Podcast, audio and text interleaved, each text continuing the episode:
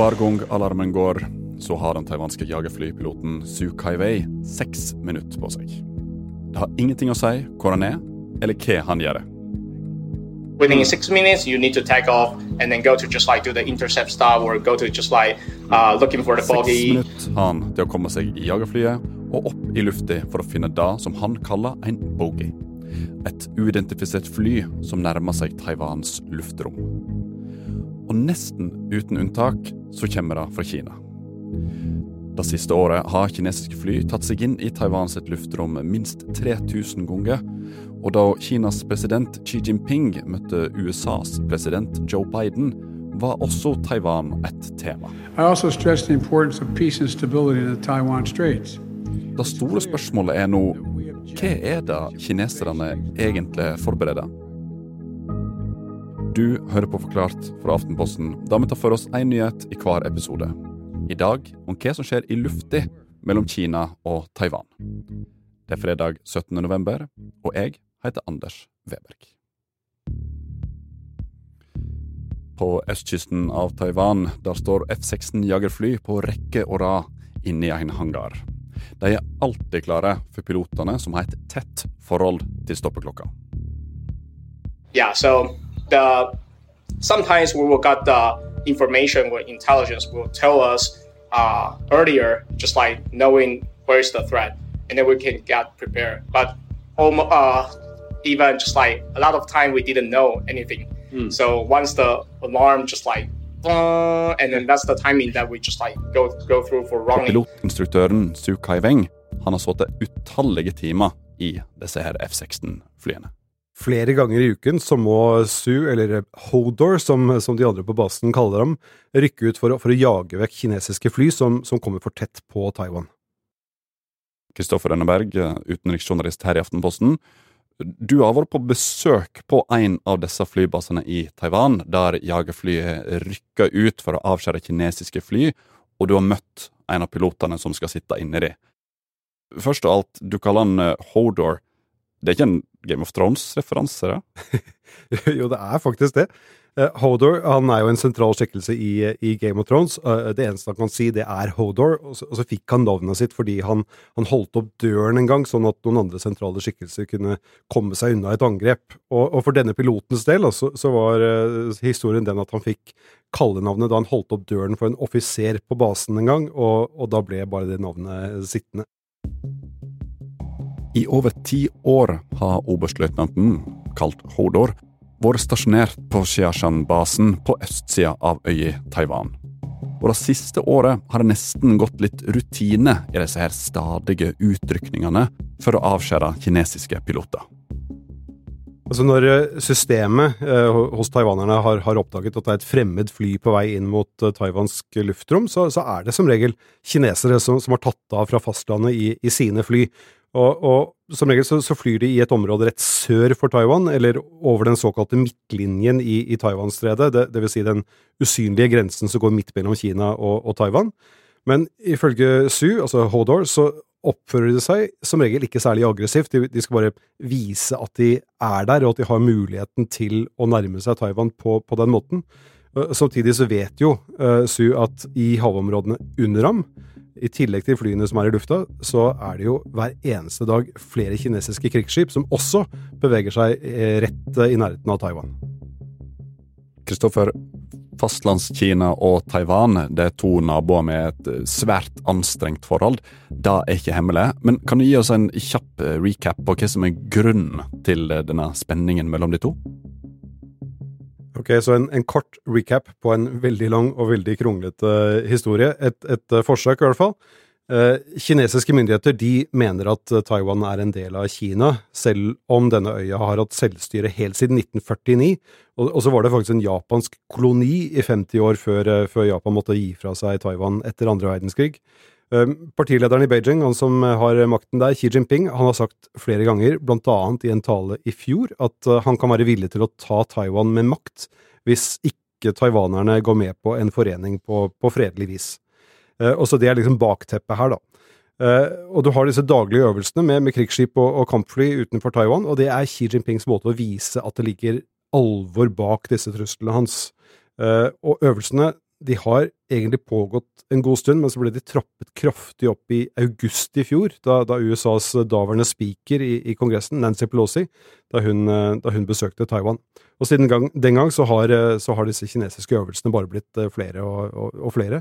Nå i høst så har det vært ganske intenst, eh, blant annet da jeg var der nå, nå, tidligere i høst. En dag i slutten av oktober for eksempel, så rapporterte taiwanske forsvarsmyndigheter at 35 kinesiske kampfly og 15 kinesiske krigsskip hadde beveget seg tett på Taiwan bare de siste 24 timene.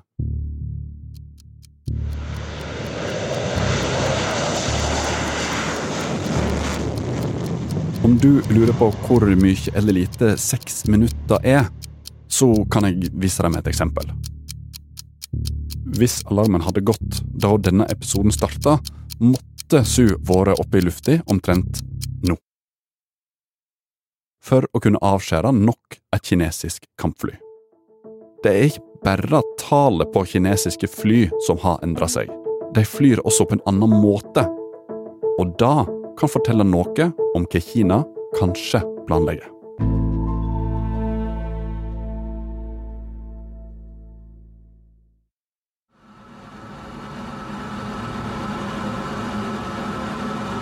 Oppe i lufta der flyr Hordor, eller Su, i rasende fart.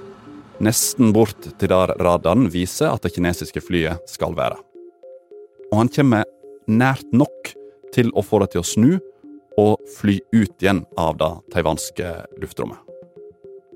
Men eh, det han forteller meg, er at han, han, flyr ikke for nært disse kinesiske flyene. fordi han vil jo ikke at det skal skje en ulykke som, som kan komme til å, å, gjøre vondt verre og eskalere situasjonen. Så, så derfor så går han ikke nærmere enn en en, han 1000 fot, altså rundt 300 meter. Og fra den avstanden så kan han ta bilder som kan legges inn i en database over Eh, de kinesiske kampflyene. Eh, og ved å ta bilder hver gang de er oppe i lufta, så kan de se om det er noen endringer på flyene, eller om de er utstyrt med noen nye våpen og, og, og sånne ting. Men, eh, men, de kommer ikke nært nok til at de får øyekontakt med pilotene, for å si det sånn. I den taiwanske databasen, som holder oversikt over alt det som Kina holder på med nær grensa, er det ikke lenger bare jagerfly. Altså jeg sa at det er blitt stadig flere av disse uh, flyene og, skipene som nærmer seg Taiwan. Og, det er ikke bare det at, de, at, det er blitt flere av dem, men øvelsene er også blitt mer komplekse. Altså for det første så bruker de nå langt flere flytyper enn, hva de gjorde før. Og nå sender de opp jagerfly, droner, uh, forskjellige former for luftfartøy med rotor, dvs. Si helikopter og sånt.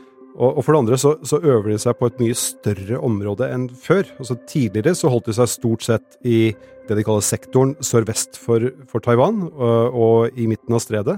Og nå for tiden så blir de stadig oftere sett også på østsiden og i Taiwanstredet i, i nord. Tidligere var det bare i sør.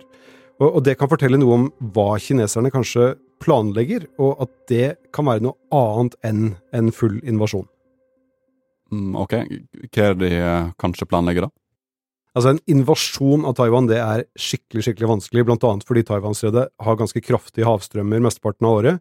Og eksperter som jeg har snakket med, de, de, tror at kineserne holder på med noe annet, nemlig en blokade av Taiwan. Altså at de omringer øya og gjør det umulig å komme seg inn eller ut. Og, og dette er en form for det som kalles gråsonekrig, eller gråsonetaktikk. Altså ikke en ren invasjon, men, men et forsøk på å isolere Taiwan. Og en, en, blokade det vil gjøre det helt umulig for Taiwan å få inn forsyninger utenfra, f.eks. drivstoff og mat og sånne ting, eller militær hjelp fra andre land. Og, og, en sånn situasjon som det, en blokade, det vil være vanskeligere for allierte land som USA å, å forholde seg til enn en, en, ren invasjon. For tenk deg, hvis amerikanerne eh, ser at det er en blokade rundt Taiwan, så må jo de i så fall bryte den blokaden og kanskje skyte det første skuddet.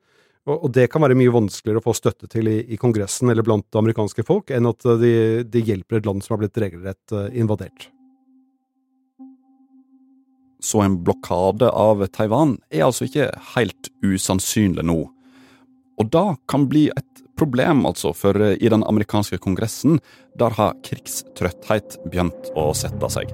Etter at krigen på Gazastripa brøt ut, så har entusiasmen rundt støtte til Ukraina blitt enda kjøligere. Og dersom det skulle bli en eh, full invasjon eller blokade av Taiwan, så blir det altså enda en krig som vil trenge støtte penger og ressurser fra allierte. Men Kristoffer, hvis vi ser på det andre scenarioet her, hvor stor er egentlig sjansen for en full kinesisk invasjon av eh, Taiwan? Det er et veldig vanskelig spørsmål å svare på. Sannsynligvis så er eh, sjansen større enn den var eh, før. Og vi, vi kan jo ikke gjøre annet enn å forholde oss til at disse kinesiske øvelsene er noe som skjer, at det er blitt flere av dem, og at Xi Jinping ikke vil utelukke å bruke makt for å innlemme Taiwan i Kina. Um, men vi vet også at en invasjon vil være ekstremt dyr, altså både i form av menneskelige og økonomiske tap. Og så, vet Xi at han risikerer en krig med USA fordi amerikanerne mer eller mindre har lovet å hjelpe Taiwan hvis Kina skulle invadere. Og, og det taler jo da imot et, et, angrep og gjør det mindre sannsynlig. Samtidig så, så, vet vi at dette er en utrolig viktig sak, også følelsesmessig, for kinesiske myndigheter, og at de kanskje vil være villige til å ta den risikoen. Vi, vi kan jo bare se tilbake til Ukraina-krigen. Ingen trodde at Putin kom til å ta den sjansen og den risikoen det var å invadere Ukraina. Han gjorde det likevel. Eh, så vi kan jo kanskje frykte noe, noe tilsvarende med, med Kina og, og Taiwan. En ting som kan spille inn der, det er den litt sånn vinglete kinesiske økonomien for tiden. Altså hvis, hvis, Xi Jinping ikke kan levere økonomisk vekst til kineserne, så må han finne andre måter å rettferdiggjøre makten sin på, og, og få folk til å samle seg bak ham. Og, og, det er få ting, bare spør amerikanerne, som virker så samlende for et folk som en krig som man mener er moralsk eh, nødvendig. Hva gjør Taiwan for å forberede seg på det som kan komme, da? For det første så jobber eh, taiwanerne veldig hardt for å beholde USA som en slags beskyttende storebror. Altså Uten amerikansk hjelp så har de absolutt ikke noe håp om å motstå en kinesisk invasjon. Så de er nok glade for at eh, president Joe Biden fire ganger nå har sagt at USA kommer til å støtte dem hvis Kina skulle invadere. Og Biden har så mye større grad enn før fått med seg japanerne og sørkoreanerne i en slags allianse i området, og det er jo også betryggende for, eh, for Taiwan. Men, men, de må jo selvfølgelig gjøre noe selv også, så de, de har kjøpt veldig mye våpen, hovedsakelig fra USA. Og, og, den taiwanske presidenten utvidet for ikke så lenge siden verneplikten fra fire måneder, altså nesten ingenting, til, til ett år, som er i hvert fall litt mer. Eh, men eksperter som jeg har snakket med, de, de, påpeker at det aller viktigste de kan gjøre på Taiwan nå, det er å bidra til å holde spenningsnivået nede, for eksempel ved at de ikke går ut og erklærer at Taiwan er et eh, selvstendig land, noe de aldri har gjort, selv om de faktisk jo er det. Eh, og hvis de klarer å holde spenningen nede og Kina på, på, avstand, så kan de jo sørge for at denne gamle, gamle konflikten fortsetter å være på et eh, skal vi si, småkokenivå, uten at det bobler eh, helt over. Og hvis den situasjonen fortsetter, så vil ikke piloter som Su Kaiwei måtte se de kinesiske pilotene rett i øynene helt enda. Kristoffer, i mellomtiden, hva kommer Hodor til å holde på med? Foreløpig så holder han seg da på trygg avstand når han rykker ut for å møte disse kinesiske flyene som har tatt seg inn i, i området. Og, og, så fortsetter han med alle de andre daglige rutinene han har, som f.eks. Å, å trene opp ferske rekrutter.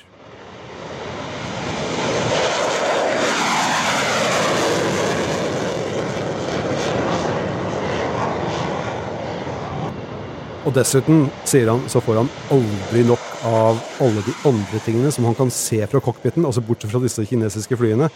Eh, så som han sier, når han flyr i lav høyde tilbake til basen etter et oppdrag, da får han den beste utsikten i Taiwan. Once the, the sun just like shining on the, the clouds and then that, gosh, beautiful. yeah. And then in the winter time, the, the mountain will have the, just like the snowing mountain air there. So, mm. wow, Beautiful. Yeah.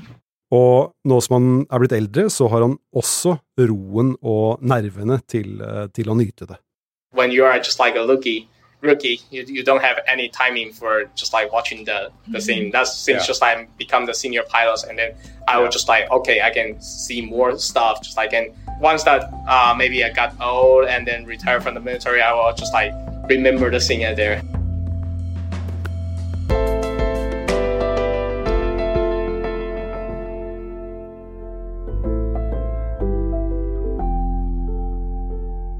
Du har hørt en podkast fra Aftenposten. Det var Kristoffer Rønneberg som forklarte hva som skjer mellom Kina og Taiwan akkurat nå.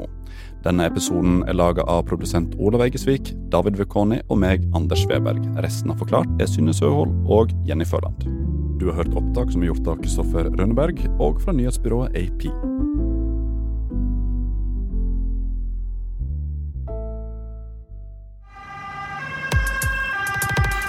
Sverige. Med skjutninger eller sprengninger nesten hver dag. Sju personer har skutt i i Stockholm og Uppsala de seneste to ukene. Skal nå bekjempe voldsbølgen med Da er kamerabevakning en av de delene også. 900 nye kamera og avansert teknologi.